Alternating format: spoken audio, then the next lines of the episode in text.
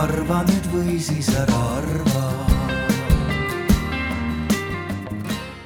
tere õhtust, algamas on meie tänase töö ja pereelu ala viimane arutelu ja keskendume sellele, et kuidas töötaja vaates näeb välja see töö ja pereelu ühitamine, millest me tegelikult päev otsa rääkinud oleme. ja meil on väga suurepärane paneel, aga paneeli tutvustusega teeme me täna niimoodi, et igaüks räägib ühe loo, kuidas temal on see töö ja pereelu ühitamine läinud ja selle käigus ehk saame me iga inimese kohta ka pisut äh, rohkem teada.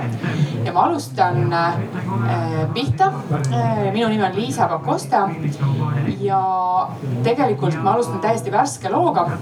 nimelt minu kõige vanem poeg on kaitseväeteenistuses ja tema sattus sellesse gruppi, kus, kes sai kaitseväeteenistuse käigus endale koroona, kuigi ta oli kaks korda vaktsineeritud. ja tegelikult see olukord olukord äh, muutus tema tervise osas ja, ja kogu selle muu asja osas äh, nii pingeliseks just eile õhtul ja täna hommikul. et kui ma siia sõitsin Paidesse, siis äh, ma olin nii mures, et ma mõtlesin, et ma ei suuda üldse midagi teha, midagi rääkida, millelegi keskenduda, et kogu minu tähelepanu ja mure on siis sellel koroonahaigel pojal ja istusin, juhatasin esimest paneeli ka siinsamas sellesama tooli peal. ja niipea kui ma olin maha istunud ja paneelikaaslastega rääkima hakanud, siis loomulikult sa pead sellesse keskenduma. see mure jäi tahaplaanile, sellepärast et ma pidin tegema seda, milleks ma siia tulnud olin ehk poolteist tundi modereerima. ja kui see poolteist tundi sai läbi siis ma tundsin tohutut kergendust ja tundsin seda, et äh, mul on olemas lahendused kõikidele nendele muredele, kõikidele nendele probleemidele.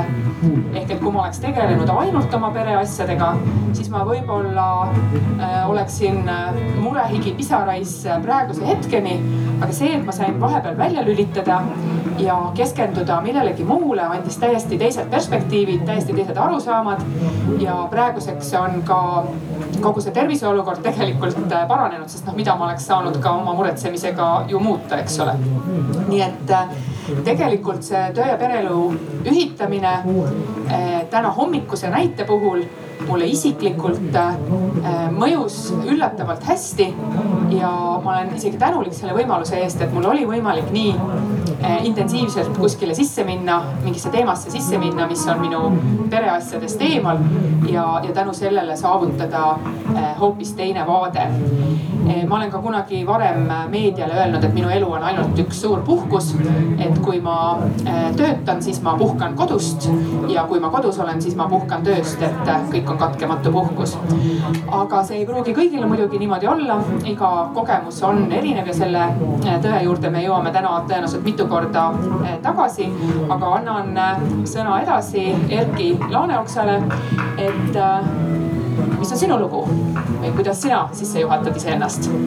Äh, minul töö ja, siis pereelu ühitamisega on üldiselt positiivsed kogemused olnud, et kuna ka ülemus on olnud üpris mõistev enne, kuna ta on ka lapsevanem, siis ta teab enne ja ei ole mingeid probleeme olnud ja, ja ka ma ise olen nagu olnud äh, pigem äh, inimene, kes üritanud noh, võimalikult palju mitte tüli teha, onju ja aga positiivsed kogemused igati olnud, et on mõistetud, mõistetud ja ei ole probleemi olnud nagu mingi laste osas ja see on minu meelest igati äh, mõistlik ja, ja arusaadav. aga kui sa tood ikkagi ühe konkreetse näite, kus oli mingi probleem ja kuidas sa selle probleemi lahendasid? Mul oli vaja laste, lapse pärast minna äh, siis äh, meditsiiniasutusse ja, ja ma pidin puuduma. ei olnud probleemi, küsisin, ütles, et jah, okei okay,, mine nii hea probleem ja hea lihtne lahendus. järgmisena Astrid Carpenter, et kuidas, milline on sinu lugu sissejuhatuseks?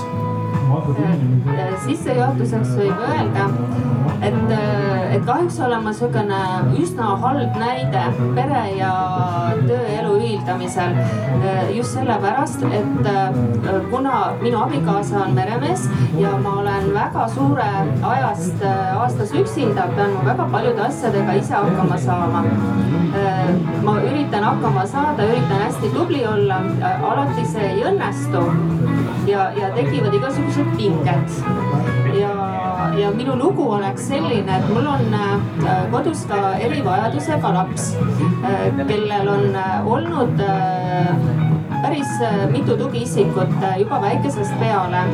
ja nüüd läks minu erivajadusega laps kooli, läks kooli kaheksa kilomeetrit eemale väikesesse ilusasse maakooli ja, aga sinna oli vaja sõita bussiga ja sellele ja kui ta koolist tuli, äh, kuna ta oli ikkagi esimeses klassis ja ta ei tulnud koolist üksi koju, äh, oli mul vaja organiseerida ta kuidagi siia koju. see tähendas seda, et äh, kuna mul ei olnud kedagi peale minu enda, kes oleks saanud talle järgi minna, siis ma pidin töö juurest ära küsima ja küsisin oma äh, tollase tööandja käest äh, luba ja leppisime kokku temaga, et äh, ma võin pool tundi ära käia äh, oma lõunaajast.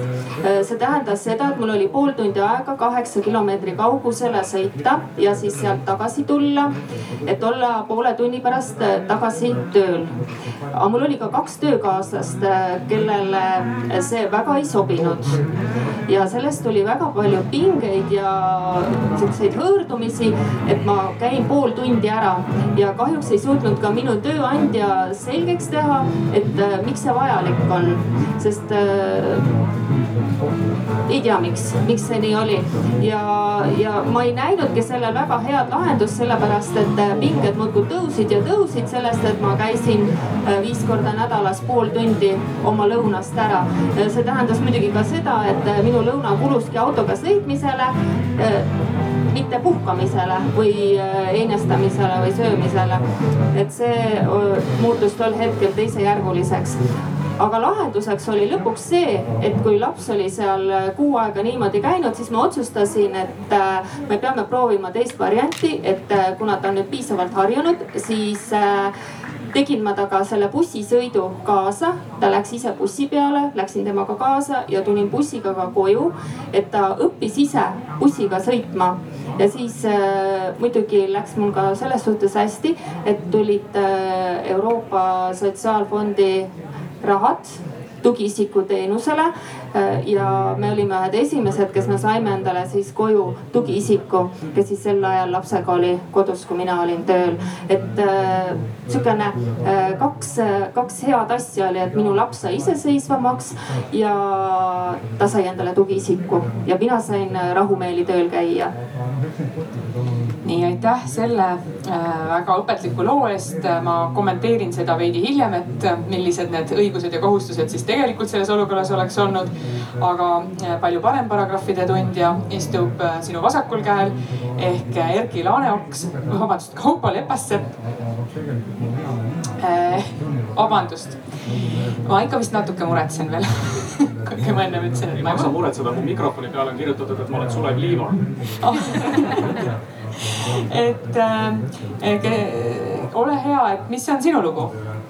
tere siis jah, et ma tõesti olen, mina olen Kaupo Lepasepp ja, ja mina olen advokaat. Äh, ma töötan advokaadibüroos Sorenen, advokaaditööd olen teinud kakskümmend aastat ja, ja, ja omanike ringi kuulunud kümme aastat ja, ja praegu olen ka Tallinna kontori juhtivpartner, et ma olen siis äh, tööandjate esindaja tavaliselt, kui räägitakse töö ja eraelu ühildamisest või sihukesest teemast nagu work-life balance, et äh, siis äh, minusuguseid inimesi heaks näiteks ei tooda. et noh, mina olen see, kes siis, äh, keda võib siis võib-olla kirjeldada kui, kui nagu sellist nagu töösõltlast või töönarkomaani, see, mis ma tööl teen, see mulle tõesti nagu tohutult, tohutult meeldib ja, ja ajaliselt see tuleb, tuleb kindlasti millegi arvelt. aga teisipidi et noh, et ma ei ole ainult nagu halb näide, et teisipidi ma olen võib-olla ka nagu ikkagi hea näide, et, et peaaegu sama kaua, kui ma olen advokaaditööd teinud, kaheksateist aastat olen ma olnud ka abielus. ja mul on kolm, kolm tõesti suurepärast, suurepärast last, nii et nagu väga vahva perekond. Nii et tegelikult on võimalik ühildada intensiivset tööd, noh suhteliselt hea, ma ütleks väga hea äh, perekonnaeluga samamoodi. Äh, kui on nagu vaja mingisugust konkreetset näidet, et noh, siis minu isiklikult kõige nagu hullem näide oli see, et kui oli vaja minna ämma korteriühistu koosolekule. ja ma nagu sinna tõesti üldse nagu ei jõudnud mingite tööalaste tööalastel põhjustel ja no oli ikkagi väga-väga halb, et noh, kui sa ei lähe ämma korteriühistu koosolekule, siis abikaasa on ka nagu pahane, ämm on pettunud ja just õige jama on. ja siis ma palusin tegelikult kolleegi ja, ja kolleeg käis seal korteriühistu koosolekul ära ja, ja saavutas suurepärase tulemuse. aga noh, see lugu ongi nagu näide, näiteks jällegi sellest, et ehkki ma olen jurist ja advokaat, et, et üks asi on nagu seadused, aga, aga väga palju asju tuleb lihtsalt ka nagu inimeste tervele mõistusele ja üksteise toele jätta. nii ja meie rea lõpetab äh, Siret Kotka, palun, milline on sinu lugu? no nii, et äh, mul on nagu hea lugu see, et äh, mul on ainult üks töökoht ja üks laps selle aja jooksul olnud, et äh, mina olin see naine, kes siis otsustas, et äh, pärast äh, kahte nädalat pärast lapse sündi tuleks kohe tööle minna tagasi. et tolleaegne siis Mailis Reps oli juba teinud nagu otsa lahti ja mõtlesin, et ega siis Eesti vapratest naistest nagu tühi ei ole. et ma saan ka hakkama. ja mis see siis tähendas? see tähendas siis seda, et kui sul on imetav väike laps, siis põhimõtteliselt ma olin rahvastikukriisi probleemkomisjoni juht, siis sa juhid koosolekut ja tegelikult tegelikult äh, kõik äh, inimesed, kes on naised, teavad, et ja kes annavad äh, rinda, teavad, et mõne aja pärast su rinnad annavad märku, et tegelikult laps tahab süüa. ja siis sa emana hakkad ka tundma seda, et tegelikult kõrvaltoas või kabinetis, kus sul on lapsehoidja sealt tuleb väike nutt ka juba ja, ja tegelikult sul tekib kogu aeg on äh, see sihukene väikene vibra nagu sees, et kuidas siis adekvaatselt nagu juhtida, et äh, kõik oleks hästi, aga samas oleks ka laps hoitud. see on ülimalt keeruline ja ma ütleksin, et äh, väljakutsuv. aga ma sain sellega hakkama. nüüd, mis puudutab Riigikogu ja võib-olla sihukest negatiivset kogemust on see, et te olete kõik näinud, et Riigikogus on suur saal ja seal on sada üks inimest Äh, te ei ole seal lapsi näinud. Ja sellega ongi nii, et äh, kui tavaliselt on äh, läinud hääletuseks, siis meie poeg Morgan, Martin Repinski on ka riigikogu liige, on nagu siis niisugune pall, kes siis on niimoodi, et mina käin hääletamas ja siis visatakse laps mulle ja siis jookseb Martin Repinski nagu hääletama onju. et ta saaks ka nupule vajutada, sest on kord, et lapsi sinna suurte riigikogu saali ei tohi viia kusjuures ma ütlen emana, isegi kui see pisikene beebi sul magab, ta ei tee ühtegi häält, oli see minu jaoks väga diskrimineeriv. sellepärast, et ma tundsin, et minu kolleegid ümberringi räägivad märksa rohkem ja on palju valjakamad kui minu laps, kes tegelikult sel hetkel magab. et naisena ja emana ja kui sa oled niimoodi veel pingutad Eesti riigi nimel, siis sel hetkel ma tundsin, et natukene nagu tehakse liiga. et see on võib-olla sihukene nagu negatiivne efekt. muidu ma ütleksin, et kolleegid olid väga mõistvad ja tegelikult kõik tulid appi ma täiesti jagan seda imestust selle reegli üle, et, et lapsi sinna saali ei lubata.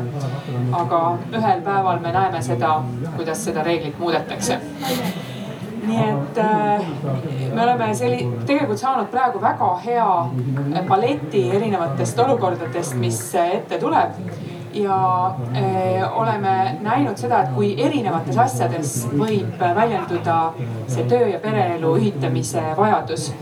mis kõige hullem, et tegelikult ega meil ei olegi kuskilt võtta riiulilt sellist valmis definitsiooni, et mis asi see töö ja pereelu ühitamine on. see võib tõesti tähendada seda, et sa palud kolleegil minna ämma korteriühistu koosolekule. absoluutselt on tegemist töö ja pereelu ühitamisega. ja see võib tähendada seda, et sa pead kuidagi lahendama hääletusnupuni jooks, jooksmise. et äh, olukorras, kus äh, sa ei tohi last äh, kaasa võtta, et see, võib olla väga erinevad asjad kõik kokku. sealhulgas sõltub väga palju, nagu me nendest lugudest siin praegu nägime, sellest, kui mõistvad on inimesed sinu ümber ja ma praegu vabandan, et hetkel me tegeleme nii töö ja pereelu ühitamisega kui ka keskkonnateemade ja kontserdi ühitamisega meie paneeliga. et see akustika on natukene nagu ta on, aga, aga meil helipult kindlasti teeb oma parima, et see äh, Facebookis olev pilt ja, ja hilisem videolindistus on, on natukene rahulikuma, rahulikuma kvaliteediga kui me räägime sellest töö ja pereelu ühitamisest, eriti kui me vaatame seda äh, töötaja vaates, siis äh, äh, Siret Kotka, ma küsiksin sinu käest, et et rii-, sa, sa juba nimetasid mitu korda sa nimetasid seda Riigikogu probleemkomisjoni, kes ju tegeleb rahvastikuküsimustega ja, ja noh, ma olen mitmelt poolt mujalt ka tähele pannud, et riigil ikkagi huvi on selle vastu, et peredel kuidagi hästi läheks või paremini läheks ja lapsi sünniks ja nii edasi. aga kas, kas riigil on üldse õigust või kas riigil on kohustust kuidagi sekkuda sellesse töö ja pereelu ühitamisse või kas kuidagi aidata seda või kuidagi nügida seda või kuidagi toetada seda või mis see riigi roll nagu selles töö ja pereelu ühitamises võiks olla või, või kuidas, kuidas sina seda näed? No eks me tegelikult, Liisa, oleme sinuga ka kevadel niimoodi Riigikogu sotsiaalkomisjoni istungitel nende teemade üle eh, palju rääkinud. et eh, et kui me räägime, et äh, riigi rollist, siis riigil on kindlasti roll olemas, et äh, eelkõige, kui me tänasest seadusandlusest võtame, siis äh, kõik sellised töötajate ja tööandjate siuksed suhted äh, proovitakse ikkagi kokku leppida siis seaduslikul tasandil nii, et siis äh, nii siis töötajad kui ka siis tööandjad on ennem teinud siis äh, sotsiaalpartnerite sihukese omavahelise kokkuleppe. et ka täna, kui meil on siin Riigikogus üks äh, seaduse sihukene muudatus äh, eelnõu, mida ma loodan, et äh, Liisa veel niimoodi nii töötajatega kui ka siis Tööandjate Keskliiduga niimoodi räägib edasi, sest Liisal on suuremad plaanid, kui praegu on esialgselt kokku lepitud.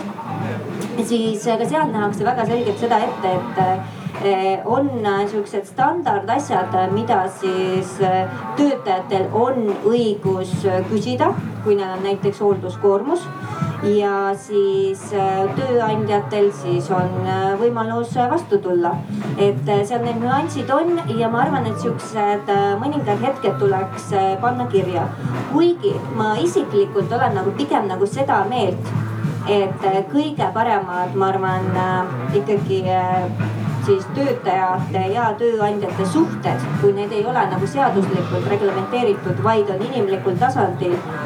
Ja tööandja on motiveeritud, et tal oleks usalduslikud, head oskustöölised ja hea meeskond, siis tegelikult see tööandja on valmis tegema neid kulutusi, igapäevaseid kulutusi ka, et tal need töökäed ei kaoks ära. ma näen seda järjest enam, võimalik, et ma näen seda järjest enam maal, kus ma rohkem inimestega kokku puutun. aga tööandjad isegi teevad heade töötajate heaks rohkem, kui tegelikult seaduses on kirjas väga selgelt ja et äh, siia, siia lisada, et, et noh, mida riik saab ja mida riik peab tegema, et riik peab kindlasti aitama nõrgemaid. riik peab aitama neid, kes iseennast aidata ei saa. aga et me ei tohi seda abi pakkudes hakata tegema seda viga, et, et tulla, tullakse ja hakatakse reguleerima nende inimeste vahelisi suhteid, kes tegelikult suudavad ka ise kokkuleppeid äh, saavutada ja kes on nagu võrdsed partnerid et, et noh, tõesti, et me ei tohiks nagu, nagu hakata nagu töö kuidagi riigis määruste või seaduste tasemel reguleerima seda, et mis on, mis on töö, mis on vaba aeg ja kuidas neid omavahel ühildama peab, sest no nagu me siin nägimegi, et meil kõigil tegelikult siin paneelis on selge arusaamine, et mis on nagu meie töö, aga need kogemused on nagu väga erinevad. Kujutage ette nüüd seda tarka inimest, kes peab Riigikogus siis selle seaduse kokku panema, mis lahendab ära meie kõikide nagu probleemid või suudab defineerida, suudab defineerida töö või siis selle eraelu just sellisel viisil, mis nagu mulle sobib, et, et see on nagu tegelikult ülimalt ülimalt, ülimalt keeruline töö, et, et me ei tohiks muutuda niisuguseks nagu, nagu lapsehoidjaks. ja teine asi, mis on ka tõesti, mul on hea meel seda kuulata äh, Sireti suust, et, et me olemegi nagu jõudnud ka tegelikult teise olukorda, et, et võib-olla kunagi, kui oli nagu päris orjandus või kunagi, kui olid vabrikud, et siis meil oli selline olukord, kus, kus jäme ots nii-öelda oli tööandjate käes. Aga kui me praegu vaatame nagu Eesti tööjõuturu olukorda, et siis tegelikult tuleb aru, aru endale anda, et täna on tegelikult töötajate turg. Ja seda kindlasti mitte ainult maal, vaid seda ennekõike ka, seda ennekõike ma oleks just arvanud, et see on nagu võimalus nagu linnas, aga et kui see on maal ka on töötajate kätte nagu nihkunud nagu see võimalus enda nimel võidelda ja nagu tugevam turupositsioon. seda on tegelikult nagu täiesti rõõm kuulata, eks me peame alati ka vaatama, et kas me üldse peame mingisuguseid reegleid äh, tegema hakkama sest reeglitega on niimoodi, et kui meie, Liisa, sinuga midagi kokku lepime, siis on see meie omavaheline kokkulepe ja see võib olla nagu väga hea, et me oleme ka Sorainenist teinud töötajatega kokkuleppeid, mis tõesti lähevadki kaugemale, kui tööõigus seda nagu nõuab. aga, aga nüüd, kui keegi hakkab meie eest neid otsuseid tegema, ütlema seda, milline kokkulepe sobib sulle ja mulle, Liisa, siis üldiselt meil tekib sellest mingisugune tohutu suur pahameel ja urr, sest et vaevalt, et see lahendus sulle ja mulle ideaalselt sobib. vot nüüd läheb põnevaks, sellepärast et me natuke kuulsime seda positsiooni, et kõik on kokkuleppe küsimus. Aga on ka teine vaade asjale, et äh, võib-olla on see töötaja nõrgemas olukorras ja kui tema ülemus ei taha kokku leppida, et mis siis saab. ja kui me mõtleme no näiteks Astrid, kes sa oled Türilt, töötad Türi raamatukogu juhatajana olles ka ise tööandja sealjuures. aga, aga väiksemas kohas võib-olla, kui keegi väga jõuliselt seisab oma õiguste eest, siis me tegelikult teame, et võib päris keeruliseks minna näiteks töö leidmine mõne järgmise tööandja juures, sest kes see ikka selliseid kõvasid võitlejaid enda ridadesse tahab. et kuidas Erki ja ähm, Astrid, teile tundus see jutt, et kui te vaatate nii-öelda lapsevanema positsioonilt, et, et kõik olekski lihtsalt ainult kokkuleppe küsimus?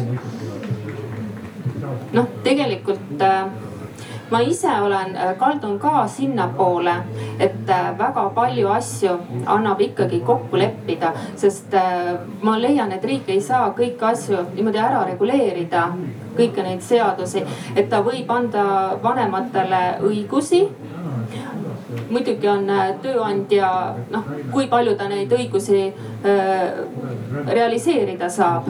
et palju saab see töötaja neid õigusi kasutada, sest nagu minu näite puhul ju selgus tõesti, et ma neid äh, väga ei saanudki kasutada, neid õigusi või läbi sihukese äh, suure sellise häda aga, aga samas on ta ikkagi nagu toeks, et need õigused on olemas ja mis mina iseenda puhul saan teha, et äh, kui selline, kui see olukord oli, olin ma ise töötaja seal.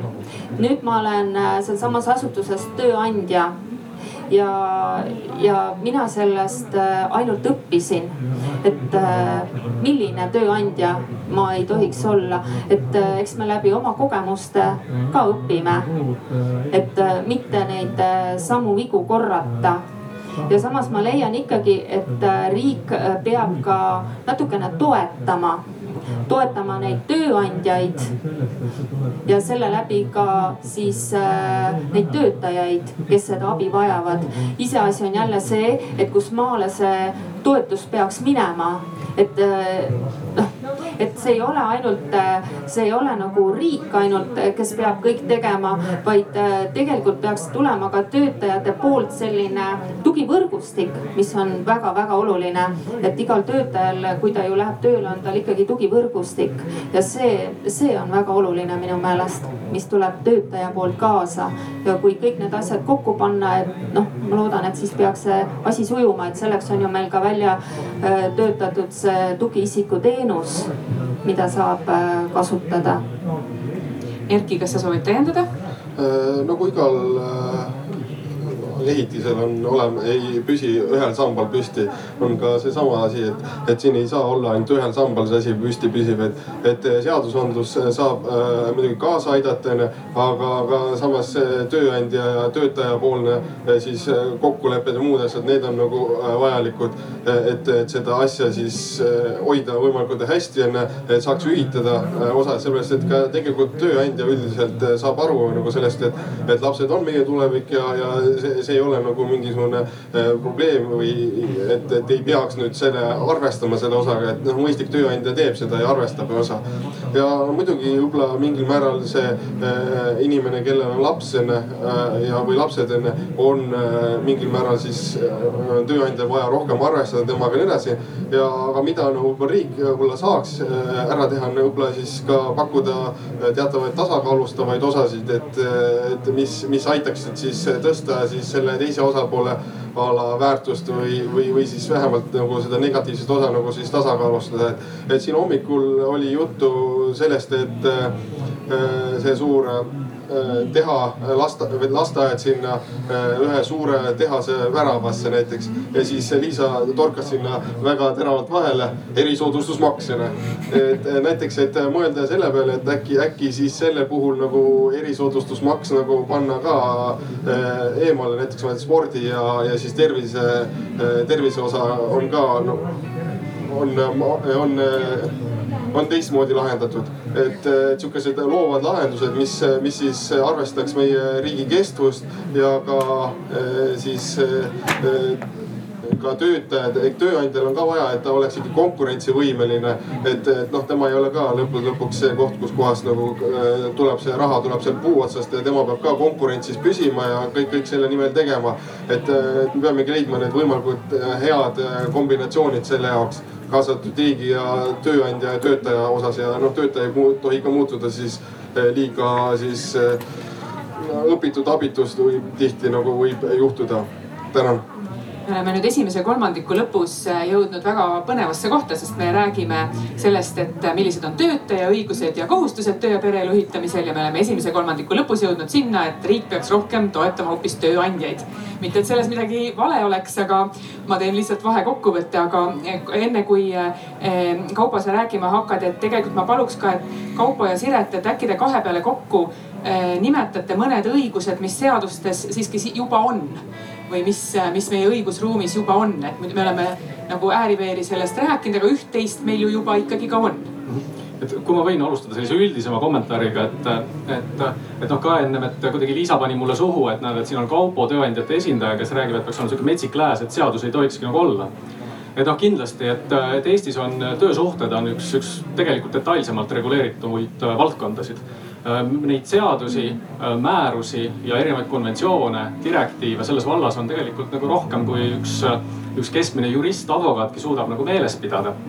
et tegelikult on ju töötajatel, töötajatel väga palju, väga palju õigusi ja me ei tohi ka ära unustada seda, et mis meil juba nagu olemas on et noh, alustadeski sellest, et noh, meil on ju tegelikult, et jällegi, et noh, võrdleme ennast siis näiteks Ameerika Ühendriikidega, meil on väga selgelt reguleeritud äh, tööaeg, meil on väga selgelt reguleeritud äh, puhkeaeg. Juba, et kui me peaksime kinni sellest kaheksa tunni reeglist, siis oleks on juba tegelikult väga palju erinevaid probleeme. äh,, probleeme lahendatud. meil on kõigil olemas puhkused meil on kõigil olemas võimalus võtta neid puhkusi, neid puhkusi on eraldatud ju ka nagu eelised on seal äh, lastega peredele. Äh, on, on nendele, kellel on mingid erivajadustega lapsed ja, ja ka siis äh, hooldamisõigused, et seal on ju terve rida, rida ka nagu olemasolevaid, olemasolevaid eeliseid. lihtsalt kindlasti ei ole meil täna valik, et kas meil ei ole üldse mitte midagi või me siis teeme nagu või, või siis, või siis hakkame detailselt reguleerima et noh, pigem ongi see küsimus, et neid, neid reegleid on täna juba nii palju, et noh, me näeme ise praktikast, kuskohast nagu probleemid tulevad, et ega täna ei ole probleemiks see, et reegleid, reegleid ei ole olemas töö, töösuhetes töövaidlused tekivad nagu kahel põhjusel, need on kas see, et, et inimesed lihtsalt ei räägi omavahel ja lähevad tülli ja noh, siis hakatakse nagu leidma erinevaid viise nende probleemide lahendamiseks. või siis teine probleem, noh, mis on ka olemas ja sõltub hästi tööandjast, on see, et osadel tööandjatel ei lähe lihtsalt tööõigus nagu korda ja kumbagi nendest probleemidest me tegelikult ei lahenda ära sellega, et me tekitame reegleid juurde.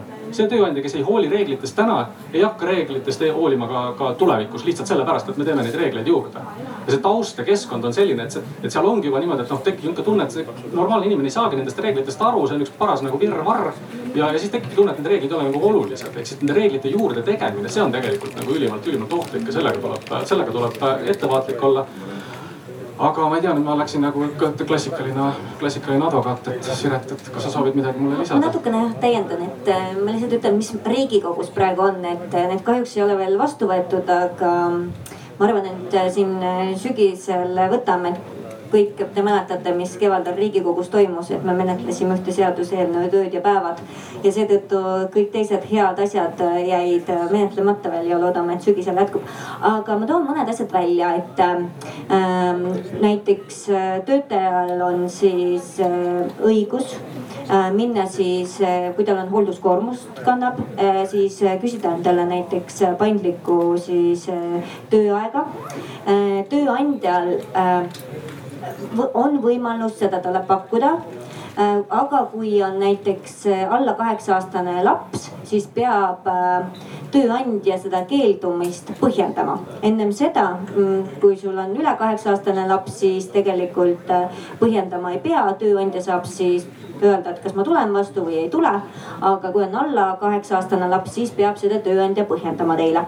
nüüd teine asi, mis on ka teid inimesi mõjutab, mis puudutab siis näiteks, läheb küll nüüd vallandamise ja töösuhte lõpetamisele. Et kui nüüd inimene on rase siis, siis ennem oli tal võimalik saada, mu mälu ei peta, kuus kuud kompensatsiooni. siis nüüd on see siis nii töötajatel kui ka ametiisikutel siis kaksteist kuud võimalik saada siis kompensatsiooni, kui selline asi saab nüüd teoks. et need on mõned siuksed konkreetsed näited, mis ma tean, et meil on praegu menetluses ja ma usun, et septembris saab ka need vastu võetud no nii, nüüd tundub jälle, et maailm on väga ilus ja ma igaks juhuks ütlen vahele, et moderaatori ülesanne ongi peegeldada tagasi seda, kuidas ta oma pisikese ajuga asjadest aru saab. ja siis on võimalik panelistidel parandada või kohendada, kui ma olen millestki valesti aru saanud, et, et äh, ma ei, ma ei püüa midagi suhu panna, aga, aga see on väga hea, kui, kui sulle tundub, et minu peegeldus ei ole nagu väga adekvaatne, siis kohe parandage, et ma sellepärast ju peegeldangi, et see asi õigesti välja tuleks et äh, ja jällegi olles siin moderaatori ülesannetes, et ma sugugi ei rahuldu sellega, et kui te ütlete, et kõik on juba väga hästi ja seadused on juba väga head ja, ja kõik on. ikka parandame neid, parandame. see, see, see peegel, jah, see peegeldus oli selles mõttes, et võib-olla ei, ei pannud edasi ei minu mõtet ega ka Sireti mõtet, tundub, et töö käib ikkagi. töö käib, nii. Liisa palusid näiteid. jah, et, et küsime, vaatame edasi seda, et kus need valupunktid ikkagi nüüd tegelikult nagu paistavad või kui ma tulin siia paneeli, siis äh, tee peal ikka näed ühte ja teist ja kolmandat tuttavat ja ma ütlesin, ma lähen töö ja pereelu ühitamise paneeli. oi, mul on sulle kohe üks lugu rääkida. ja tegelikult äh, igal inimesel, keda ma kohtasin, oli mingisugune nagu purskuv probleem selles äh, asjas südamel või rääkida, et, et mida, kuidagipidi on see ikkagi nagu inimestele oluline teema. ja mulle tundub, et see koroonaaeg tõi sealt võib-olla välja ühed või teised eh, valukohad või küsimused, millele ühiskond ongi nüüd hakanud eh, rohkem ju tähelepanu pöörama. aga no mõned, jälle me ei jõua kõike katta. ma alustan sellest küsimusest, et volinikuna me saame üsna sageli selliseid pöördumisi, kus lapsevanemast rääkides räägitakse emast või emadest ja isad unustatakse peaaegu et täitsa ära. ja ja kui me räägime sellest töö ja pereelu ühitamisest, noh, meil on olnud näiteks sellised näited, kus neid samu vabu päevi eh, antakse ainult emadele, isadele ei anta. või siis äh, tööandja lubab kuskile lasteaeda järgi minna või, või arenguvestlusele minna emal, aga isadel ei luba. et ja see tuli meil ka tegelikult täna hommikuses paneelis mitu korda välja, et et noh, arvatakse ikkagi, et see lapsevanematest, kui me räägime üldiselt, et siis me räägime emadest. et äh, Erki Laaneots, et kuidas teile tundub, et kas see probleem on tegelikkuses olemas või kellest me räägime, kui me räägime töö ja pereelu ühitamisest, et, et kas me räägime ikkagi emadest ja isadest või, või kuidas see tegelikkuses nagu on? Selleks, et asju võib-olla paremini mõista tihti on vaja nagu natukene ajaloos tagasi minna, et siis loob background'i eh, või tausta. ja vanasti olidki inimesed elasid eh, kas samas talus või olid siis käsitööd tegid ja, ja neil ei olnud kuskil minna, aga noh, ütleme siis aeg arenes edasi ja hakkasid inimesed teha, tehases käima, no tehases käisid äh, isad enne, siis emad jäid koju enne ja, ja nii edasi.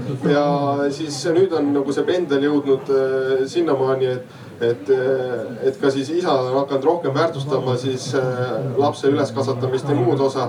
Äh, ja ka eelnevad teadusuuringud, mis näitasid, et, et, et laps ja ema on nagu kõige olulisemad ja isa võib-olla mitte nii oluline. Need on nagu jäänud juba siis eda- või tagasi lükatud, ütleme nii.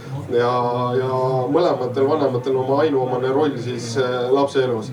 ja muidugi me ei saa siin nagu ajada taga võrdsust, sellepärast et noh, mees ja naine ei ole päris võrdsed, et kasvõi noh, see, et mehed ei sünnita näiteks ja nii edasi. aga me saame teha palju selle jaoks, et ikkagi eh, oleks võrdväärsus eh, olemas ja, ja mõle- ja lapsed saaksid siis mõlema vanema poolt nende eh, ainuomase rolli ja kõik sinna juurde kuuluva osa ja selles suhtes on tegelikult väga õige, me oleme mõelnud ka nagu MTÜ-s, et peaks ette võtma missiooni, et, et erinevad need lasteasutused, kus on, et seal tuleks tegelikult äh, informatsioon ja, ja muu osa siis mõlemale vanemale. kui on helistamine, siis jah, võib-olla äh, on, ei saa korraga helistada mõlemale, aga võib-olla saab nagu kordamööda ühele teisele, aga kui on nagu mingi teavitus emailiga, siis, siis üldiselt peaks olema ikkagi mõlemad, näiteks, et kui on mingi arsti juures tuleb mingi vastusena, siis peab olema ette antud, et mõlemale vanemale läheb, mitte ainult ühele nagu, kes, kes seda teeb, et.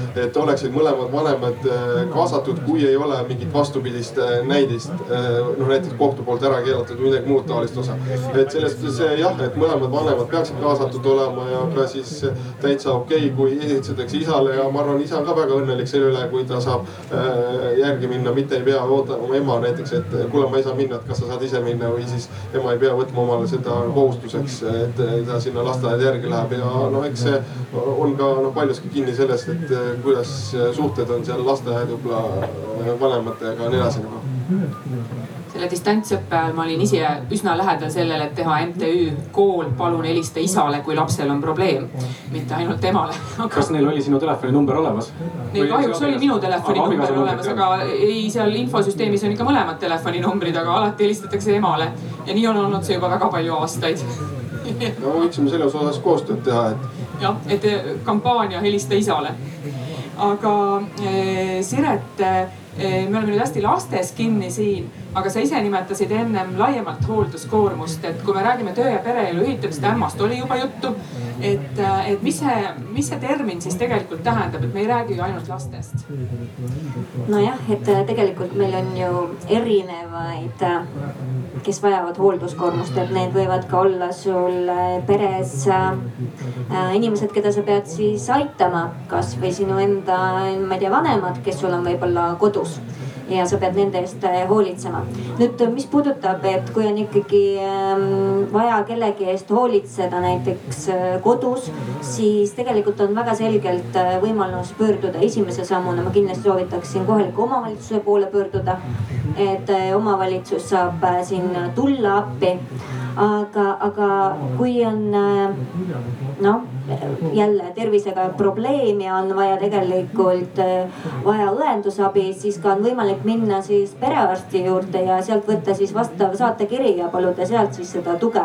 et ega sihukest head süsteemi veel meil Eestis ei ole ja mulle tundub, et see on nagu sihuke lapsekingades ja vajab tegelikult see kogu see hoolduskoormus ja kuidas seda jagada ja toetada ja äh, nii peresid kui isegi ma ei räägi isegi tööandjate poole pealt, vaid lihtsalt riiklikult, et kuidas seda äh, toetada süsteemi, siis äh, no siin on väga palju teha väga,, väga-väga palju teha, ma ei hakka isegi siin nagu rääkima, et riik on kuidagi astunud pikki samme, et minu meelest tigusammudega liigume. ja, selle, sellega ma olen ka kindlasti nõus, et noh, nii-öelda nõrgemate ja tõesti raskemas olukorras olevate inimeste puhul, et noh, nende puhul on meil tõesti väga-väga palju, väga palju teha ja, aga need lähevadki väga sageli valdkonda, mis on siis võib-olla rohkem, rohkem sotsiaalhoolekandega seotud, kus siis pakutakse mingisuguseid tugiteenuseid. et, et nende eest, et me ei tohi võib-olla teha seda viga, et me võtame nüüd sealt need mõningad näited ja nende alusel hakkame ümber korraldama laiemalt töösuhteid, töösuhteid ja tööõigust Eestis, mis peaks reguleerima neid üldisemaid küsimusi, et me peaksime lahus hoidma ikkagi sotsiaalhoolekande ja seal nende teenuste ja toe pakkumise. ja teine asi on siis nagu tavaliste töösuhete nagu re reguleerimisel. tegelikult see tuli Astridi näites ju loos väga hästi välja, kuidas tema ja. töö ja pereelu ühitamise küsimuse lahendas see, kui äh, tugiisik tuli küll esialgu Euroopa Liidu rahadega, aga, aga siiski, et see oli see lahendus, mis säästis nii professionaalset arengut töötajal kui tööandja närve ja ja, ja kulusid, et, et see on selles mõttes väga õige tähelepanek. ja, ja, ja noh, tõesti riiki ka julgustaks äh, selliseid teenuseid pakkuma, sest noh, tõsi on see, et loomulikult need teenused maksavad nagu raha. aga kui me vaatame seda, et, et mis ressursid Eestil on või mis ressurssidest meil puudust on, siis meil on puudu inimestest.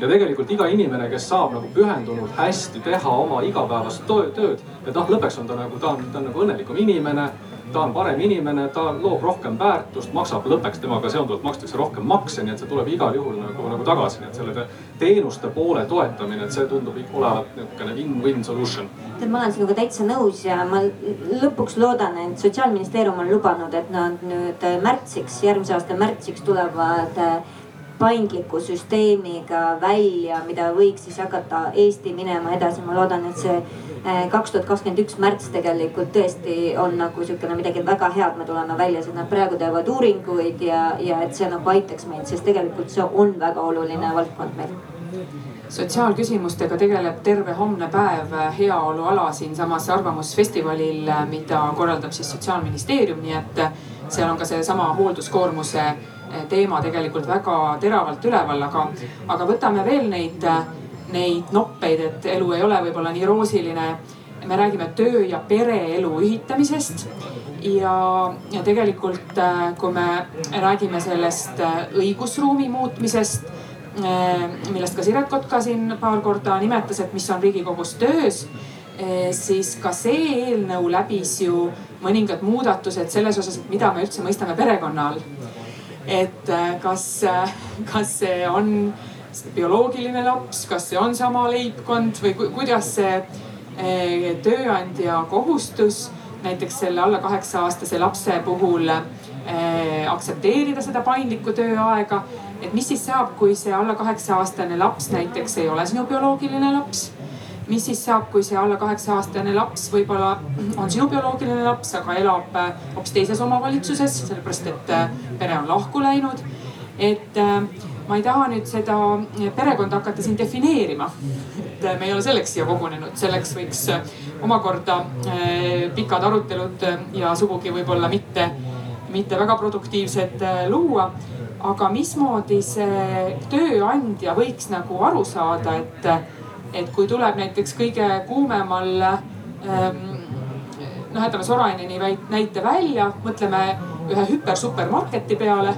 seal näiteks töötab äh, kassas inimene, paar tükki on äh, haiged, paar tükki on koroona isolatsioonis, inimesi on vähe äh, tööjõuvajadus tohutult suur ja nüüd tuleb töötaja ja ütleb, et ta peab oma teises omavalitsuses elava lapse kooli arenguvestlusele minema, mis võtab tal ära praktiliselt terve tööpäeva et kuidas me ühiskonnas peaksime selliseid asju lahendama, et, et, äh, et kui me räägime töö ja pereelu ühitamisest, et kuhu, kui laiaks me saame selle perekonna siis venitada või kuidas, kuidas see õige lähenemine võiks olla?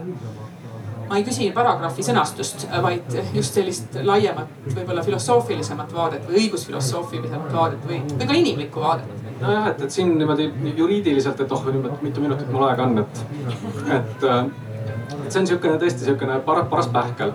ühtepidi on tegelikult meil asi siin Eestis võrdlemisi, võrdlemisi lihtne. meie jaoks algab ju kõik peale meie põhiseadusest ja põhiseadus, et kui me räägime üldse väärtustest, siis põhiseadus räägib väga palju perest, räägib tervisest, aga tööd ei maini ta kordagi. Räägitakse eneseteostusest ja töö võib olla üksnes üks osa eneseteostuse tegemisest, nii et noh, kui me vaatame nagu õigus, õigussüsteemi alguspunktist, siis tegelikult on pere ja, ja isiklik heaolu alati nagu, nagu, nagu, nagu, nagu olulisem õiguslikult ja, ja noh, see töö, see tuleb ilmselt välja läbi niimoodi majanduslike realiteetide, mis hakkavad oma rolli mängima.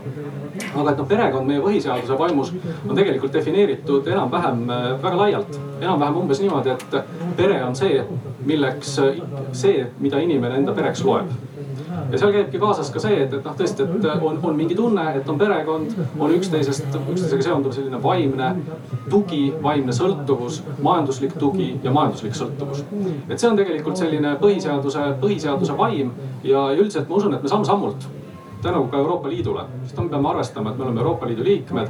me võime siin olla natukene isemõtlejad, kindlasti tulebki natukene isemõtleja olla, aga Euroopa Liit on, tuleb, on märksa sotsiaalsem õigusriik, kui on seda Eesti ja Euroopa Liidust äh, ka tuleb nagu see, see, see laiem, laiem käsitlemine, et noh, mulle meeldib selline põhiseaduse selline sümpaatne lähenemine. et perekond inimese jaoks on see, kes, keda ta oma perekonnaks loeb. ja sealt tulevad ka vastused sellele, et noh, kui vanasti oli üks sihukene nagu rumal Juku anekdoot, mis rääkis sellest, et äh, klassijuhataja võttis Juku ette sellepärast, et Juku oli ühe poolaasta jooksul juba matnud, matnud viis vanaema et noh, siis äh, nagu või toona see tundus nagu naljakas, aga noh, praegu, kui need kärgpered tulevad ja nende aeg edasi läheb, võib ka see tegelikult olla nagu, nagu, nagu tulevik, et ühel inimesel ongi võib-olla viis või kuus vanaema või vanaisa. ja, ja, ja ausalt, kes, kes olen siis mina või kes on siis riik või kes on, kes iganes, et saab öelda sellele inimesele, et nemad ei ole sinu, sinu, sinu perekond et see on nagu selline perekonna üldine mõiste. aga nüüd noh, teine pool on nagu see, et, et, et noh, ühel hetkel me peame hakkama nagu andma ka mingisuguseid sotsiaalseid garantiisid, mingeid võimalusi, et kellega seonduvalt, millises, millisele kelle lahkumise puhul riik toetab sind, millist, millist tuge sa või millise inimese arenguvestlusele saad minna ja ei saa minna. ja seal on see tegelikult nagu tegelikult võrdlemisi nagu pragmaatiline poliitiline otsus, et eks me saame nagu pakkuda neid sotsiaalseid garantiisid ju tegelikult nii palju kui meil on nagu raha ja võimalust, on ju. et noh, me, me selles mõttes, et igas näites me tahaksime kindlasti nagu inimestel ju aidata kõiki, kes on nagu raskustes. ja, me oleme võimelised neile ilmselt ka seda paindlikkust pakkuma, aga ühel hetkel ei ole kogu selle, kogu selle luksuse jaoks võib-olla nagu, nagu, nagu raha. lihtsalt seda suurt küsimust ja võib-olla neid väikseid sotsiaalgarantiide küsimusi, neid saab nagu, neid saab nagu pragmaatiliselt äh, lahus hoida. ma lähen nüüd selle luksuse sõnaga siit edasi, et äh, Astrid, et äh, siin oli ennem juttu sellest, et äh, tehakse vahet selles, kas laps on alla kaheksa aastane või siis ka mitte. et ühel juhul tööandja peab põhjendama oma keeldumist, teisel juhul mitte. aga kui see laps on üheksa aastane ja puudega laps, et eh, kas see kuidagi erineb sellest, et laps on seitsmeaastane täitsa terve laps, kas hoolduskoormuses on mingit vahet, et sul on ju tegelikult kogemust nii kärgperenduse osas kui eh, erivajadustega laste osas, et et kuidas sulle tundub see, kas, kas me peaksime kuidagi vaatama mitte ainult seda, et kas tegemist on viienda vanaemaga, vaid ka seda, et mis selle lapse tegelik hooldusvajadus on? Jah, tegelikult äh, näiteks minu puhul ei mängi üldse rolli, et äh, selle lapse vanus sellepärast et äh, on okei okay,, see kaheksa-aastane laps äh, vajab noh, et seaduse järgi oletame, et tal on, et vanemal on õigus oma kaheksa-aastase lapsega või alla selle siis mingeid toiminguid teha. aga näiteks kui minu viieteistaastane laps vajab samasuguse, ta on näiteks oma arengutasemelt samasugune nagu see kaheksa-aastane laps et, et minu silmis ei ole nagu vahet sellel, et, et see laps vajab ju tegelikult samasugust hoolt ja võib-olla, et isegi natukene rohkem. et ja, ja ma tooksin siia veel tegelikult sisse ka näiteks füüsilise puudega lapsed või inimesed, et ma olen tähele pannud, et inimesed või üldse ühiskond on äh, hästi tolerantne. näiteks kui äh, on hädas, nad näevad, et on hädas äh, väike laps, viieaastane, kuueaastane, kolmeaastane, aga kui samasuguses hädas on üks erivajadusega laps, kes on kuueteistaastane, siis ühiskond enam ei ole nii tolerantne, et, et kui ma ütlen, et sellele lapsele on ka vaja appi minna, et ta ei tule iseendaga toime, et, et ta vajab minu abi. Et siis äh, sellest nagu ei saada hästi aru, et ta on ju nii suur, et, äh, et sa oled teda lihtsalt halvasti kasvatanud, et sa ei ole nagu hakkama saanud sellega. ja hoopiski kolmas, kolmas vaatepunkt on mul kogemusi ka selle füüsilise puudega. no siis on inimesed väga abivalmid ja, ja neil isegi ei teki küsimust, et, et see laps noh, võib abi vajada. kusjuures füüsilise puudega laps võib tegelikult noh veel kõige paremini nendest hakkama saada. näiteks kui ta on mingi kümne, kaheteistaastane. et äh, inimesed jah, väga erinevalt äh, suhtuvad sellesse aga nüüd on äh, igaks juhuks, et kuulajatel ei oleks ei jääks valet muljet, siis tegelikult õigusruum meil peab silmas muudes kohtades ka ikkagi seda abivajadust, mitte ainult vanust E, ja, ja seda on oluline meeles pidada. Aga väga huvitav asi tuli siit välja, oli see erinev suhtumine. et mingid asjad on meie peas kinni ja sellest on tegelikult olnud mitmes sõnavõtus siin juttu. et äh, paragrahvidest ei ole abi, kui äh, suhtumist nagu paika ei saa. et äh, kui me mõtleksime selle suhtumise parandamise peale, et mida siis mida me saaksime teha või äh, kui me räägime töö ja pereelu ühitamisest, et see kulgeks kõige paremini siis, kui tööandja ja töötaja sõlmivad omavahel mõistlikke kokkuleppeid.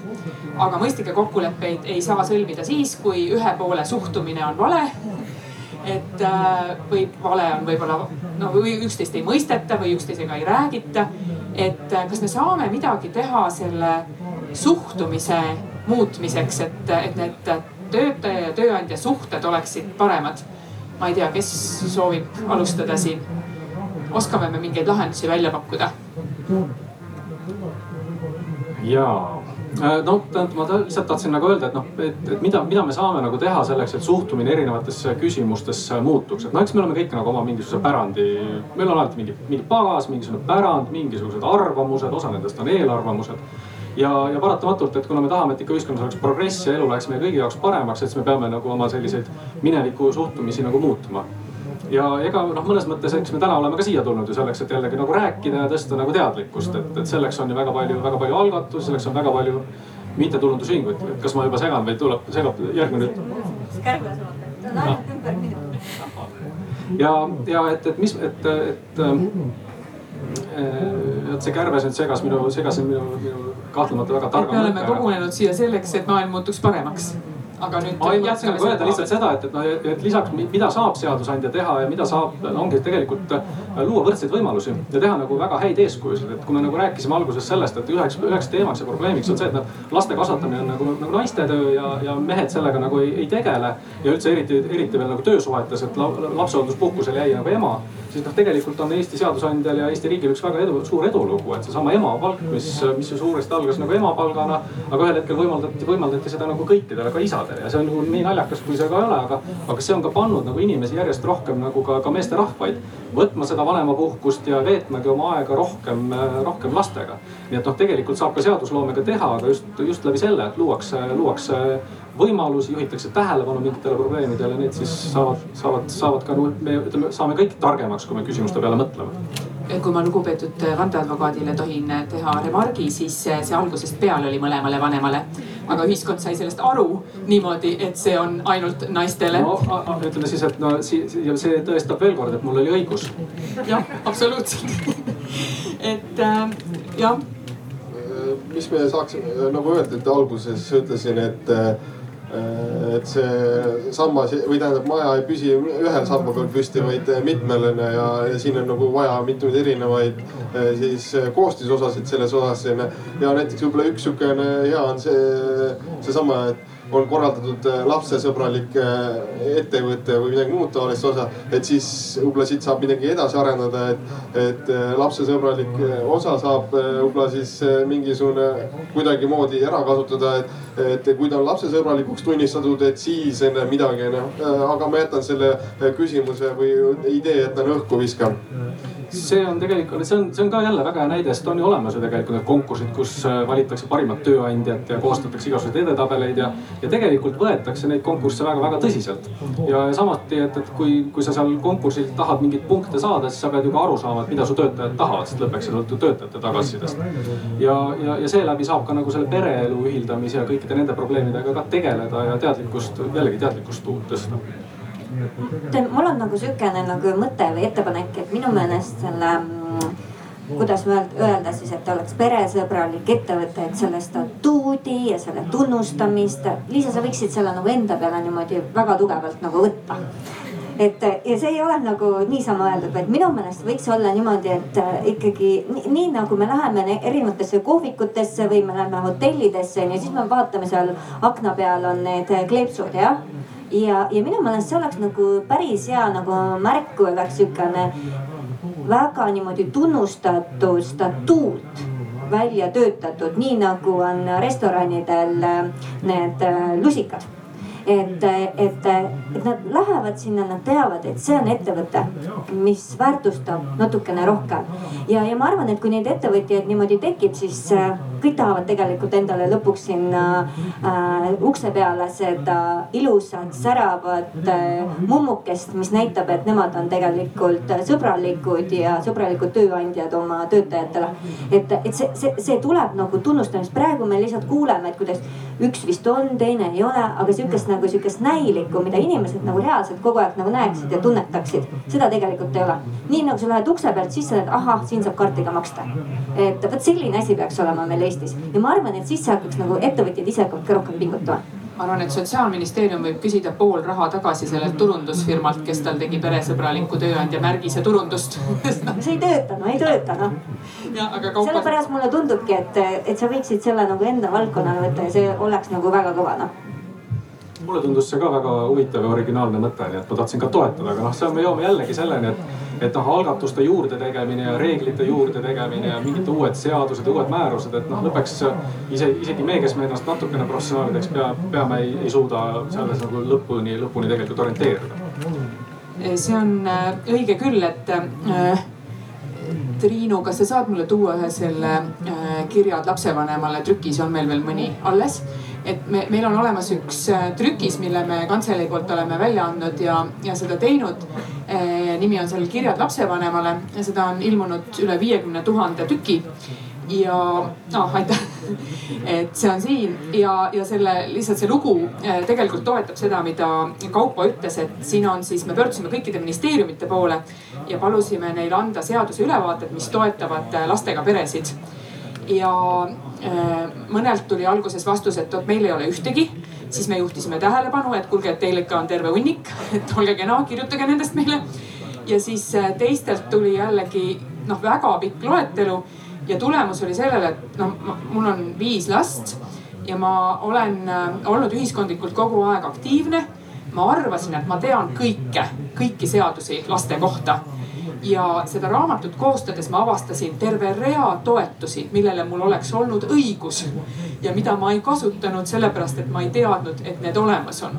et noh, selles mõttes ma nagu toetan seda, et see õigusruum on läinud nii keeruliseks äh, selles äh, ja nii laiaks ja, ja need sätted on nii erinevates seadustes et noh, nende kokkupanemine käib üle jõu, et siin on tegelikult pool seda raamatut on ju ainult paragrahvide loetelu, mis äh, perekonda nagu toetab. kuulge, aga ma teen reklaami, ma olen seda lugenud ja ma tõesti ütlen, see on tõesti väga asjalik äh, kirjutis, mis Liisa Pakosta on kokku pannud, nii et kes ei ole seda veel lugenud, siis ma arvan, et seda saab. saab küll, jah aitäh, aga e, nüüd on kogu selle, nende õiguste peale, mis, mida me oleme siin otsast natukene tutvustanud, et, et Astrid, kuidas sulle tundub, et, et mida saaks selle suhtumise, teadlikkuse, kõige selles osas nagu muuta või sa ütlesid, et kui sa said tööandjaks ise et siis sa teadsid, milline tööandja sa tahad olla, milline tööandja sa ei taha olla.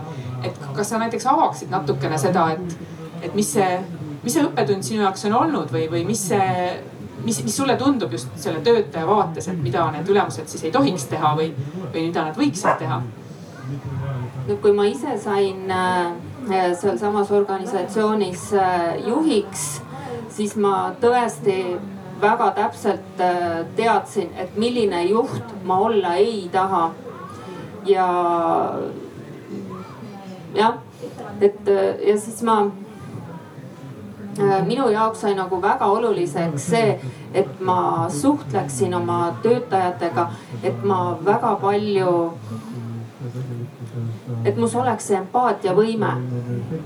minu jaoks on väga oluline see, et, et oleks äh, olemas juhis see empaatiavõime, et äh, ja otsida alati paremaid lahendusi ja mitte ainult nagu tööandja seisukohalt, vaid äh, just töötajale, töötaja, töötaja jaoks.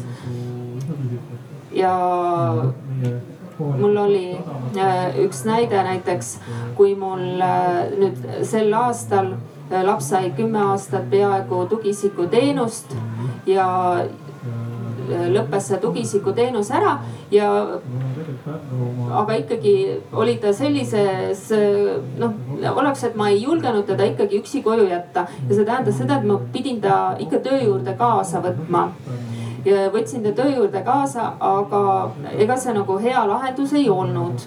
sellepärast, et äh, mul oli vaja tööd teha. Äh, samas äh, kartsin ma ka seda, et, et minu töötajad ei tunne ennast ka väga mugavalt, kui keegi kogu aeg seal on et äh, ja siis äh, mõtlesingi, et mis see hea lahendus on, et äh, kõik oleksid rahul, et mina saaksin tööd teha, et laps oleks vaadatud ja et minu töötajad oleksid rahul ja mõtlesingi välja, et hästi oluline on sõlmida kokkuleppeid isegi selle lapsega. et tegingi nii, et leppisin lapsega kokku, et sa oled nüüd tund aega kodus ja alles siis tuled sa minu töö juurde ja, ja siis teed sa seal oma asju. ja hakkasin seda aega kogu aeg pikendama, nii et lõpuks oli ta kolm tundi kodus ja tuli alles siis töö juurde ja ma nägin, kuidas äh, minul oli hea, sest et äh, mina sain tööd teha. minu töötajad ei olnud pinges, et äh, noh, et ta kogu aeg seal võib-olla on ja, ja asi nagu toimis et ma näen, et, et väga palju ikkagi sõltub sellest, et äh, kui empaatiavõimelised me oleme, milliseid kokkuleppeid me suudame sõlmida.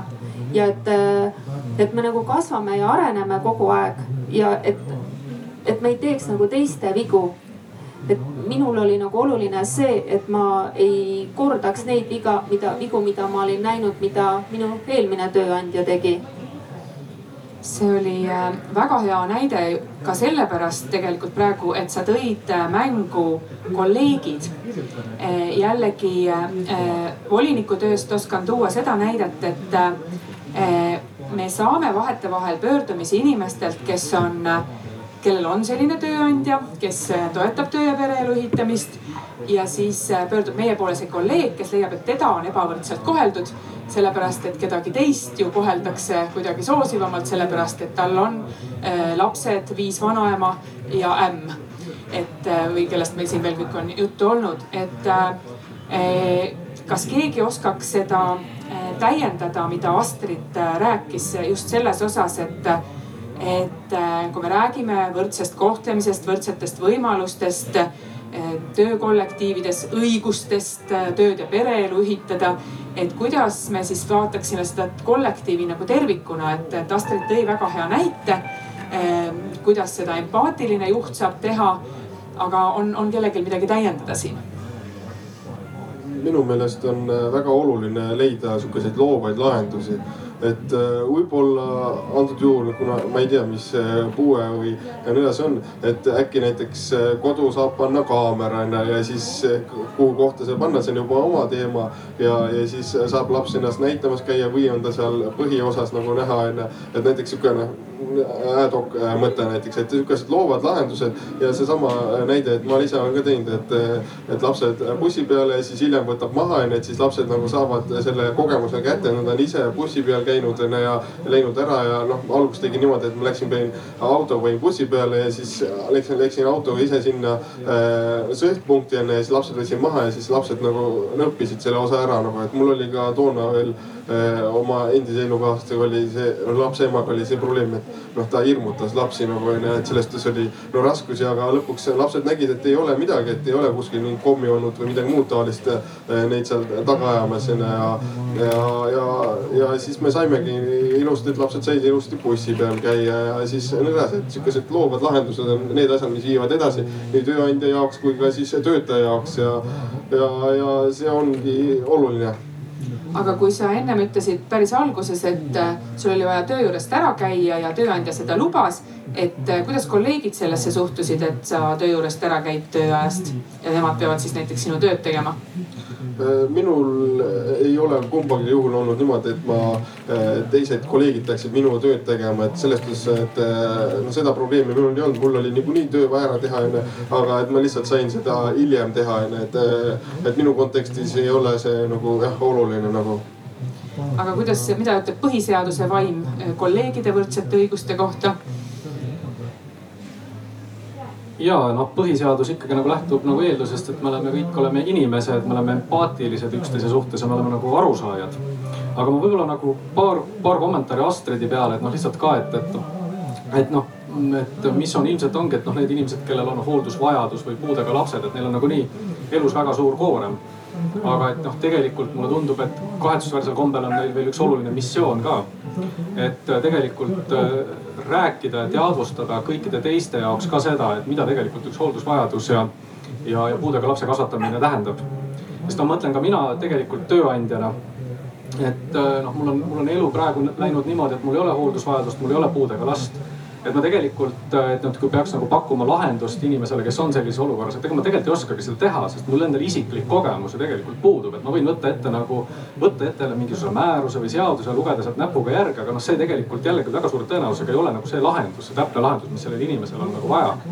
Et noh, tõesti, et, et, et seda, seda teadmist tuleb levitada, et, et inimesed saaksid ka aru, mis need vajadused on ja, ja teine asi, et noh, see on võib-olla nagu suur tükk, suur tükk neelata, et, et avalikult nendel teemadel lükkamine on, on, on väga raske nagunii juba muu koorma kõrval. Küll aga, aga et siis ka, ka nagu üleskutse, et nendel inimestel, kellel, kellel ikkagi selline roll on, et vähemalt oma tööandjaga tõesti peaks nendest asjadest rääkima. et noh, üks variant on see, et tegemist on tõesti nagu paha inimesega ja, ja ta ongi nagu lihtsalt halb inimene. no siis ei olegi nagu eriti midagi teha, siis tegelikult pikas plaanis tuleb leida endale uus tööandja. täna on see suhteliselt nagu lihtsamaks muutunud, aga võib-olla ta lihtsalt nagu ei, ei tea, et noh, ta nagu tal ei ole võib-olla lihtsalt seda kogemust, et, et, et see on ka nagu üks asi, et, et mida tuleb nagu läbi rääkida. ja nüüd me jõuame selle kolleegide juurde, et noh, ka selleks on see, et, et noh, mul nagu tegelikult ma pean tunnistama, et äh, vedasid need kaebused, äh, mis sa, Liisa, oled saanud kolleegidelt, kes kes kurdavad, et teist kolleegi lubatakse puudega lapse pärast ära. et vedas, et mina nendele vastama ei peaks, et mul oleks ilmselt seal nagu suhteliselt nagu raske keeruline nagu viisakuse piiridesse jääda, et, et seal nagu natukene tundub mulle seda, et, et seal on inimestel tegelikult arusaamise puudust ja jällegi, et arusaamise puudus võib tulla kahest asjast. et noh, tegemist on lihtsalt inimesega, kellel puudub nagu see, puudub nagu see kogemus, siis tuleb temaga nagu seda küsimust arutada, selgitada, et nad ka saaksid aru, et noh, võib-olla võib ka juhtuda suures organisatsioonis, et teised inimesed isegi ei tea, sest noh, meil on teiselt poolt on ju eraelu puutumatus, GDPR, isikuandmete kaitse, et ega tegelikult töö, teised kolleegid ei pruugigi üldse seda olukorda teada, millega on tegemist ja siis see nende kaebus võib-olla tundubki, et noh, lihtsalt ühel lastakse puhkusele minna kõige kuumemal ajal, aga see nagu see, eks et see jällegi see kommunikatsioon on sealjuures nagu, nagu, nagu, nagu ülimalt oluline, et ega, ega ma ei oska niimoodi muud rohtu siin ka nagu näha, kui ma proovin nagu, nagu, nagu niimoodi juhina ka seda asja vaadata aga no mulle kindlasti tundub, et seda ei ole võimalik nagu seadusega reguleerida jällegi, et see on üks jälle nendest probleemidest. Äh, ma olen ka sellega nõus, et, et hästi palju siin äh, äh lähen, läheb nagu ikkagi kokkulepete peale välja. et äh, kuidas sa ise suudad, kuidas su tööandja suudab äh, selgeks kolleegidele teha ja tegelikult ma ütlen seda, et praeguses olukorras, kus ma olen, siis äh, minu jaoks on oluline ka see, et äh, minu töötajad ei tunneks ennast kehvasti.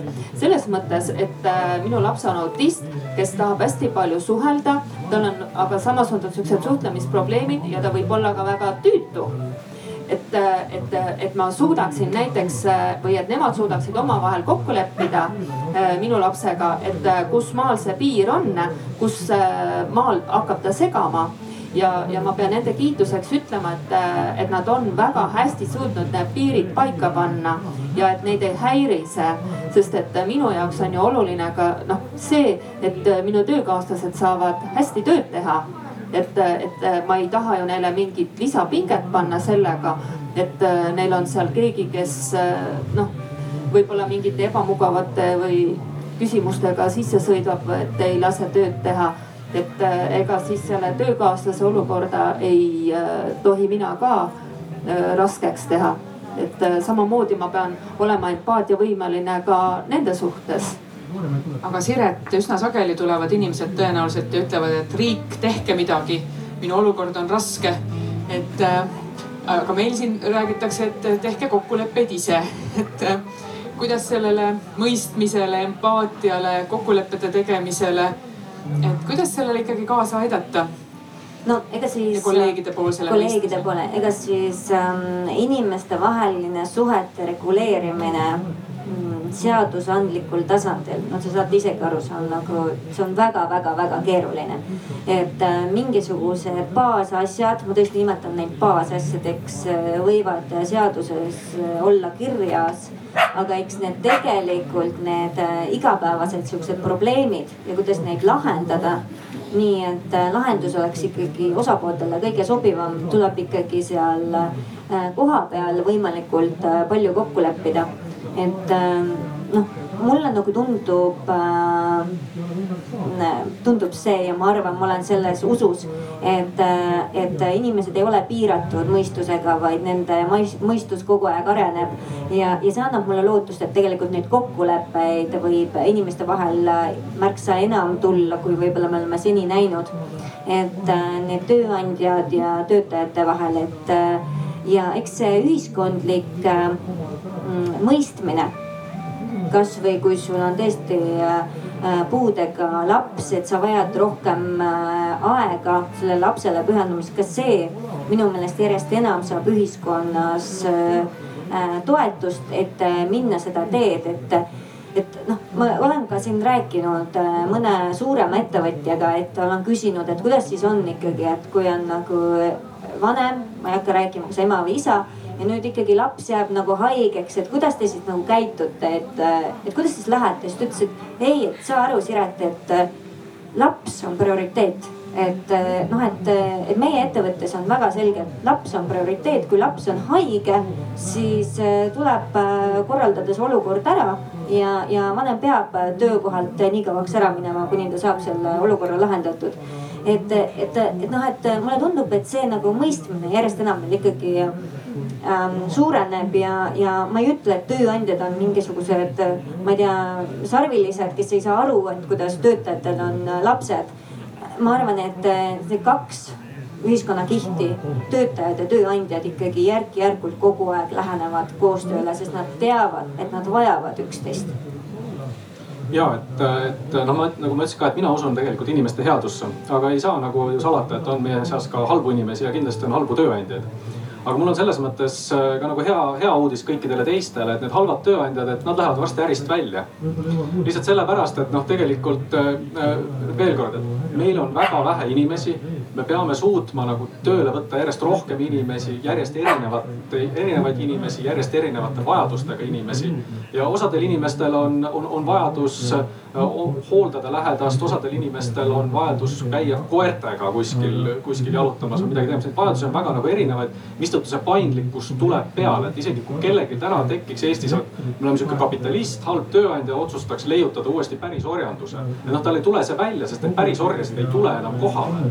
et, et kogu see tegelikult, et noh, et just, et taust ei ole ainult see, et, et oleme nagu head ja nagu käime nagu hipid ringi ja loodame, et kõik läheb nagu hästi. et see ei ole kindlasti minu jutu mõte, et ma lihtsalt ütlen, et halvad ettevõtjad, nad lähevad ärist üsna kiiresti välja. Ja mitte ainult nagu ärist, vaid ka tegelikult avalikus sektoris, kui on halb tööandja, ta ei leia endale neid inimesi. see on kindlasti täna juba reaalsus linnas. Rõõm oli kuulda, et ka maal. Ja nii ta vaikseltki hakkabki tegelikult nagu paranema, et noh, me näeme natuke jällegi seda, et see sihukene turumaagiline käsi ka hakkab asju korraldama aga et me Arvamusfestivalilt ikkagi oodatakse sellist äh, ka konkreetseid lahendusi ja pakkumisi. Äh, me oleme siin äh, väga palju, kogu aeg jõuame tagasi selle kokkuleppe ja inimese headuse juurde, millesse ma ka usun absoluutselt, aga ikkagi katsume rääkida nüüd ideaalmaailmast, et ma, ma püüan neid küsimusi lihtsalt teile siis natukene fokusseeritumalt esitada, et alustan Siret sinust, et kujutame ette olukorda, et riigikogus ei oleks mitte sada üks liiget, vaid oleks üks ainuke liige ja see oleksid sina. ja sinul oleks kasutada terve Eesti riigieelarve ja sa tahaksid kuidagi midagi teha töö ja pereelu ühitamiseks. ja ainult sina saaksid kõige üle otsustada, kas siis raha või seaduste või millegi selle osas, et mis sa teeksid? et äh, jälle see kärbis tuli tagasi endiselt minu juurde, et äh, tuleb raha juurde. tuleb raha juurde, täpselt, eks ju.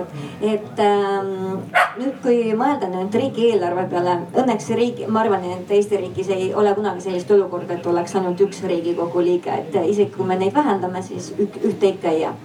et aga kui nüüd rääkida sellest, siis äh, ma arvan, et äh, üks äh, valdkond, millega tegelikult on juba korraks läbi käinud, on, on need erinevad need praegu need maksud, mida siis tuleb maksta, kui ettevõte soovib mingit lisandväärtust luua et noh, et seal võiks olla väga selgelt ettevõtjatele erinevad maksusoodustused, mis võimaldavad siis luua paremaid tingimusi pere ja tööelu ühendamiseks.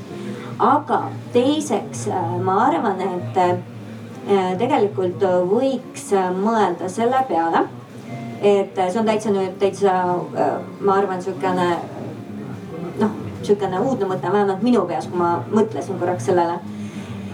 et võiks mõelda selle peale, et äh, võib, on ju hetki meil, kus äh, ongi, et äh, tuleb olukord, kus tuleb siis töötajale kõne, ma ei tea, laps on piltlikult öeldes kukkunud kuskil ja vaja EMO-sse viia, kuhugile kiirabiga, kuhu sõidab ema peab jooksma või on see isa peab jooksma töö, töö juurest ära. mis see siis tööandjale tähendab, tööandja loomulikult ta lubab esiteks aga teiseks ta ju peab leidma kohe asenduse. nüüd see asendusinimene, tema ju peab siis tegema kas siis äh, lisatöötunde või siis äh, topelttööd. ja vot äh, sellistel hetkedel, kui on siuksed nagu ärevad hetked mm, eriolukorrad, võiks öelda nagu siis tööandja ja töötaja vahel, kui on juhtunud sihukene äh, eriolukord siis jah lapsega, näit-, nagu ma tõin näite. vot selliseid hetki võiks tegelikult tööandjale kompenseerida rahaliselt ja minu meelest see oleks nagu annaks ka nii tööandjale kui ka töötajale kindlustunde. et töötaja, tema ei kaota, kui ta läheb nüüd töölt ära. on see siis, ma ei tea, neljaks tunniks, viieks tunniks või isegi kaheks päevaks. kui on tõesti sihukene eriolukord äh, juhtunud ja ka tööandja tegelikult tunnetab, et teda ei ole jäetud kuidagi maha. ta saab selle kompensatsiooni seal äh, riigilt, sest ta ju maksab tegelikult äh, mõnele inimesele näiteks topeltpalka selle eest, et teha see töö ära. et see oleks sihukene minu meelest sihukene mõte, mida võiks tegelikult ühiskondlikult arutada. et kas sihukene asi võiks nagu töötada, et, et tööandjaid ja siis töötajaid tegelikult rohkem Äh, siis seda vahet veelgi vähendada ja et nad oleksid empaatilisemad ja sõbralikumad. See kõlab väga ägedalt, seda oleks ju suhteliselt lihtne teha, meil on olemas töötaja haiguskindlustus, mida tööandja ei maksa, kui töötaja on haigena eemal. Äh, ma nendest esimestest päevadest ei hakka praegu rääkima. aga saaks ju teha ka niimoodi, et see on kasvõi tundide kaupa, mis siis. Äh, täpselt ja seda ma mõtlesingi, et see võiks ka olla kasvõi tundide kaupa, eks ju. ja ma praegu ju rääkisin, et kui on nagu haigus juhtub, aga võib ju olla ka mingi muu kriis, eks ju, et äh, väga selgelt, et laps on vaja näiteks, ma ei tea, lapse isaga juhtus midagi, ema peab jooksma ja lapse viima laagrisse. et noh, ka sellised juhtumid, et võiksid sinna erandolukorra alla minna meil on siin praegu kolm ema ja kaks isa eh, paneelis. Eh, aga küsin siis oma lähemal istuvatelt isalt ja emalt, et, et kui me mõtleme sellise ideaalolukorra peale, et, et millisena teie tahaksite, et maailm oleks ja, ja just selle töö ja pereelu ühitamise mõttes, et kas teil on mingeid mõtteid, et mida, mida võiks maailmas veel olemas olla, Eestis veel olemas olla, et see töö ja pereelu ühitamine läheks sujuvamalt, paremini, midagi konkreetset ja mulle siit äh, arutelust äh, kaks osa nagu jäi meelde, et üks oli seesama, et need erinevad statuudid ehk siis pereelu sõbralik ettevõte ja ka siis erinevad võib-olla sihukesed Äh, tasakaalustavad toetused, et, et sellele ettevõttele ta ei kannataks siis konkurentsi tingimustes. üks muidugi see konkurentsi tingimus see, et nagu töötajad tahavad sinna tulla ja nii edasi ja, ja, ja, ja ja see on oluline. aga, aga kui nüüd tulla täna, täna tagasi selle osale, et kui tõesti nagu on vaja kiiresti ära minna sealt äh, mingi lapsega juhtus mingi õnnetus või vastupidi, siis mina olen kasutanud äh, sihukest osa, et, et äh, kui äh, minul äh, kodus juhtub äh, tuleõnnetus noh, siis ma eeldan, et tööandja soovib, et ma saaksin nagu kiiresti koju minna. ja samamoodi ka tööandja tegelikult soovib seda, et kui temal on seal tulekahju töö juures noh, ma mõtlen piltlikul tähendust, eh, siis ta eeldab, et ma teen ka nagu näiteks olen kauem töö juures või mingi, tulen erakorraliselt välja. et selles suhtes siin on jällegi see win-win osa, et mõlemad pooled saaksid üksteisest aru ja nad siis aktsepteeriksid osa ja, ja saaksid üksteisest paremini aru, see on nagu edu võti kindlasti. Ja muidugi riik saab aidata kaasa siin mõningate sihukeste sooduste muude osadega, et meil lapsed oleksid nagu siis au sees ja see on asi asi, mis aitaks meid tublisse edasi. selle statuudi osas mul mõte ka juba tegelikult käib, et näiteks äh, nendel elektroonilistel kaartidel võiks olla kas teist värvi eraldatud need ettevõtted ja kohvikud ja kohad, kus on pere ehk siis inimsõbralik. aga enne kui ma annan Astridile sõna, ma palun ka kuulajatel valmis panna, et äkki teil on ka mingeid mõtteid, mis meid lahutavad praegu veel ideaalmaailmast ja mida teie tahaksite panustada, aga, aga on sul, Astrid, mõni mõte, mis, mis võiks ideaalmaailmas olla, aga praegu veel ei ole? no ma päris mingit uudset mõtet praegust vist ei oskagi siin välja käia, aga mulle see Sireti mõte, see ikka väga-väga meeldis. et äh, kus on võimalus siis, et kui siuksed ootamatud olukorrad, et siis riigi poolt nagu kompenseeritakse seal mingeid töötunde, et, et see oleks minu meelest nagu suurepärane. ja muidugi teine pool on ikkagi see, et äh, et kui ma lähen tööle, et, et mul oleks nagu endal noh, töötajana ka tugivõrgustik, kes saaks mind sellistes ootamatutes äh, olukordades aidata et äh, ja see noh, isegi ma praegu selle erivajadusega lapse näol mõtlen ka tugiisiku teenust, kõik selliseid äh, teenuseid. Et sellest, isegi sellest oleks väga palju abi. Et vanem saaks rahulikult tööd teha, et ta ei peaks muretsema, et kuidas seal lapsel läheb, et kuidas ta hakkama saab. et see juba aitab väga palju kaasa, sest ma ise emana mõtlen seda, et äh, kui ma oleksin kakskümmend neli seitse ema, et, äh, et see oleks, äh, et ma arvan, et ma põleksin üsna ruttu läbi. aga see, et ma saan tööl käia, et ma saan ennast tunda ka täisväärtusliku ühiskonnaliikmena, et see annab mulle tohutult juurde. et, et mina praegust juba tänasel päeval tunnen, et, et ma olen õnnelik, et ma saan tööd teha ja et ma olen palju parem ema palju parem naine äh, ma olen palju parem tänu sellele, et ma saan ennast anda, endast anda ka ühiskonnale, et ma saan teha seda, mis mulle meeldib. ja ma arvan, et minu lapsed on ka palju rohkem rahul ja õnnelikud. et, et nende ema on äh, ka rahulik ja õnnelik, et, et töö ja siis pere, et, et nad on tasakaalus tänu sellele ja et selleks nagu ongi väga oluline, et, et me arvestaksime nagu kõik, et nii tööandja arvestaks töötajaga, pere, selle töötaja perega ja isegi, et see riik arvestab selle perega. Seda tegelikult tõendavad ka erinevad uuringud, et tõepoolest need lapsevanemad, kes käivad tööl ja kasvatavad lapsi, et nende lapsed on tegelikult eluga palju rohkem rahul, et et ilmselt me inimkonnana pole ju mitte kunagi kogenud sellist olukorda, kus me kakskümmend neli seitse oleksime suhteliselt tegevusetult koos. ja ilmselt meie vaimne eh, süsteem ei pea seda väga hästi välja. kas on publiku hulgast eh, kellelgi soovi midagi lisada, mis ideaalmaailmast praegu puudu on? nii, palun mulle tundub, et äh, probleemikohad võivad tekkida just selliste ekstreemsematel olukordadel, kui äh, näiteks firma on kas alustav ettevõte, kus siis püütakse teistele kangesti järgi jõuda konkurentsi osas või siis on oht minna pankrotti.